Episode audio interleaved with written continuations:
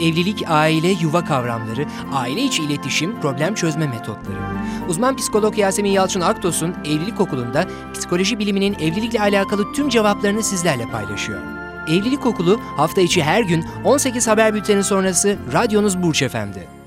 İyi akşamlar efendim. Evlilik okulumuz bugün de başladı. Bugün cuma, haftanın son günü. Umarım güzel bir hafta geçmiştir. Evliliğiniz adına, ilişkiniz, iletişiminiz adına biz cuma günleri sizlerden gelen soruları değerlendiriyoruz. Özellikle de bu hafta konuştuğumuz konuyla ilgili sorular olursa çok daha tercih ediyorum. Bu sorulara öncelik veriyorum. Bunu da hatırlatmak istedim. Dilerseniz vakit kaybetmeden gelen mesajları, mailleri okuyalım. Demiş ki bir dinleyicim, Yasemin Hanım merhaba. Öncelikle böyle bir program hazırlandığı için Burç Efem ailesine ve size çok teşekkür ederim. Bizler çok teşekkür ediyoruz efendim. Yasemin Hanım, merhametten bahsettiniz. Anlattığınız şeyler kulağa çok hoş geliyordu. Ama bir de tam tersi olanlar var. Yani merhamet göstermeyip zulmedenler var. Benim eşim işte bunlardan biri. Her gün dayak atsa doymuyor. Sürekli şiddet, sürekli şiddet. Hem bana hem çocuklarıma. Daha ne kadar dayanacağımı bilmiyorum. Ne yapmam gerekiyor?" diye sormuşlar. Evet aslında çok böyle ucundan değinmiş olduğumuz ama çok önemli olan bir konuydu.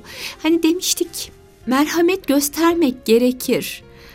Ama zulmetmek yani bunun çok çok karşıtı olan bir şey. Eşine zulmetmek. Bir erkeğin bir kadını dövmesi, bir de savunmasız olduğu bir dönemde. Mesela hamileyken, mesela gurbetteyken, mesela hiç kimseden yardım isteyemeyeceği bir yerdeyken, dilini bilmediği bir ülkedeyken vurması, şiddet uygulaması. Bu karşıdaki insanın kendini kontrol edemediğinin adıdır. Kişi kendini kontrol edemiyor, kontrolsüz, tepkisel, aşırı dürtüsel. Tüm bunlardan dolayı da şiddete başvuruyor. Bunu çekmek zorunda mısınız? Bence değilsiniz. Yani eşinize karşı kendinizi savunmayı öğrenmelisiniz. Yani çocuklarım da dayak yiyor, ben de dayak yiyorum diyorsunuz ve her gün dayak yiyorum. Ne münasebet. Burada susup oturmanıza gerek yok. Kendinizi savunun kendinizi savunun. Yani dayak atmasını engelleyen savunma hareketlerini öğrenin. Bu bir. İkincisi eşinizin destek alması için onu yönlendirebiliyorsanız yönlendirin. Değilse eşinizin sözünü dinlediği yetişkinler vardır mutlaka çevrenizde.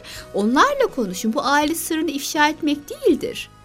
Ortada bir zulüm var ve siz burada mağdursunuz, mazlumsunuz.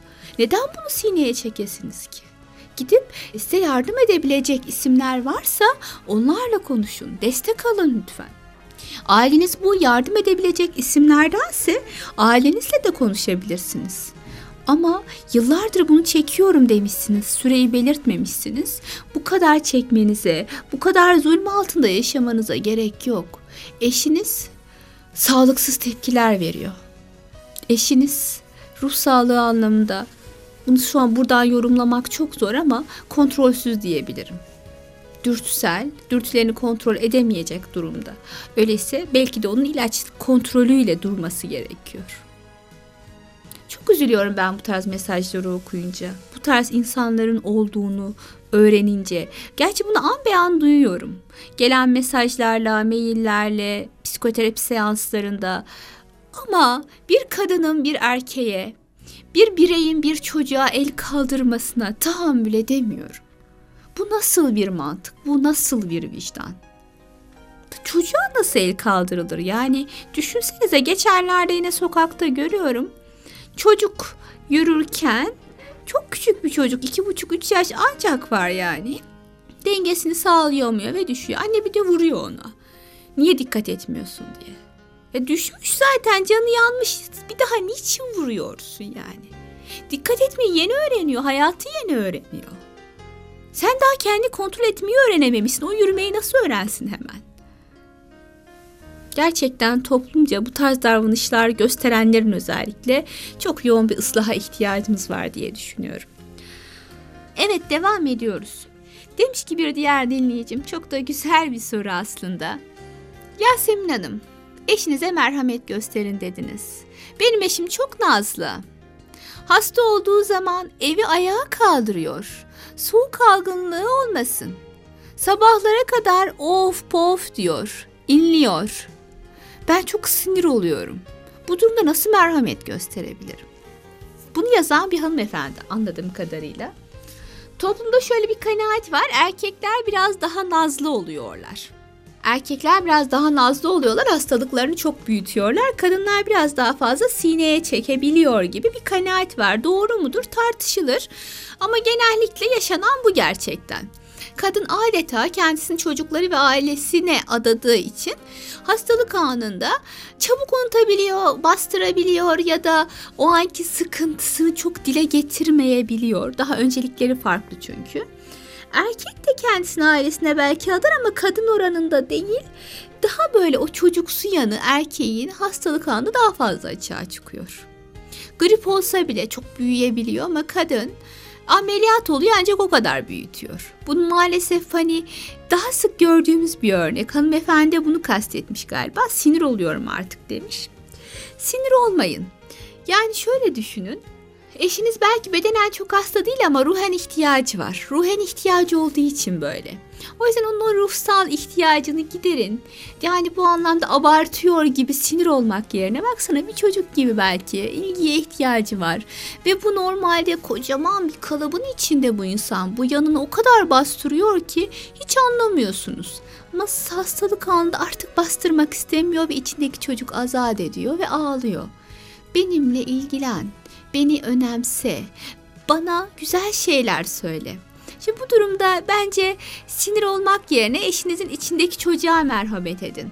Belki onun o anki davranışı abartı gibi görünüp size sinir bozucu gelebilir ama siz o anki davranışına değil daha ziyade de tekrar vurguluyorum. Eşinizin içindeki çocuğun ihtiyacına yoğunlaşın. Evet diğer bir dinleyicim güzel bir soru sormuş. Yasemin Hanım bir buçuk yıldır nişanlıyım. Nişanlımın bana karşı herhangi bir merhametsiz kötü tavrını görmedim. Fakat bitkilere karşı, hayvanlara karşı çok merhametsiz tavırları var. Bu da beni korkutuyor. Sizce bu onun merhametsiz olduğunu gösterir mi? Yani direkt buradan tabii yargılamak çok doğru olmaz ama İnsanı seven bitkiyi sever, hayvanı sever, birini sevmeyen hiçbir şeyi sevmez gibi geliyor. Yargılayamazsınız ama bu tutumlarının sizi çok rahatsız ettiğini ve ona duyduğunuz güveni zedelediğini bence ona hatırlatın ve bu konudaki ciddiyetinizi anlatın. Tabii ki yani bitkilere zarar veriyor ardından da sadistçe gülüyorsa ha ha işte yapraklarını yoldum işte kediye vurup pis kedi deyip ardından da böyle gülüyorsa bu çok sağlıklı bir davranış değil sadistçe bir tutum. Ve bu sadistçe tutum şimdi hayvana yönelik, gelecekte insana yönelik olmayacağını kimseye söyleyemez. Dolayısıyla sadist tutumların tamamı zaten bir patolojinin yansıması olabilir. Neticede kişi acı çektirmekten keyif alıyor. Bu hayvan bile olsa, bitki bile olsa karşıdaki insanın üzüldüğünü görüyor, buna rağmen yapıyor. O yüzden bence bunu düşünmelisiniz yani. Ortada bir kişilik problemi olabilir. Yani bu bir merhametsiz olduğunu gösterir mi demişsiniz. Direkt merhametsiz olduğunu göstermesi dışında başka bir sorunsalı da gösterebilir. İşte sadizm, kişilik problemleri ya da farklı şeyler. Bence bu konudaki ciddiyetinizi ciddi olun. Ciddiyetinizi de hissettirin. Gerekiyorsa evlenmeden önce bir uzmanın, bir psikiyatrın yanına gidip destek alın. Bu şekliyle direkt evlenilmesini ben çok doğru bulmuyorum. Merhamet geniş bir olgu. Yani kuşatıcı olmalı, kapsayıcı olmalı. Sana merhamet gösteririm ama yanındakine asla. Böyle bir anlayış yok. Kişi zaten sadece sevdiğine merhamet gösteriyorsa bu da çok bencilce. Yani kendisini aslında orada gösteriyor. Ben onu seviyorum o yüzden ona bir şey olmasın ama gerisi boş. Bu bencilce bir tutum. Çok da sağlıklı olduğu söylenemez. Evet diğer bir dinleyicim demişler ki Yasemin Hanım iki yıldır MS hastasıyım çok ciddi sıkıntılar yaşıyorum. Bu hastalığı yaşamak bende duygusal çöküntü oluşturdu. Fakat hiçbir şekilde eşimin desteğini alamadım. Çok üzüldüğünü biliyorum. Üzüldüğü için yanıma yaklaşamıyor ve bu konuyu konuşamıyor. Şimdi bu durumda ona ben destek oluyorum. Ama gücüm tükendi. Sizce ne yapmalıyım? Bu da çok karşılaştığımız bir durum. Ee, dünkü programımızda özellikle onu vurgulamak istemiştim.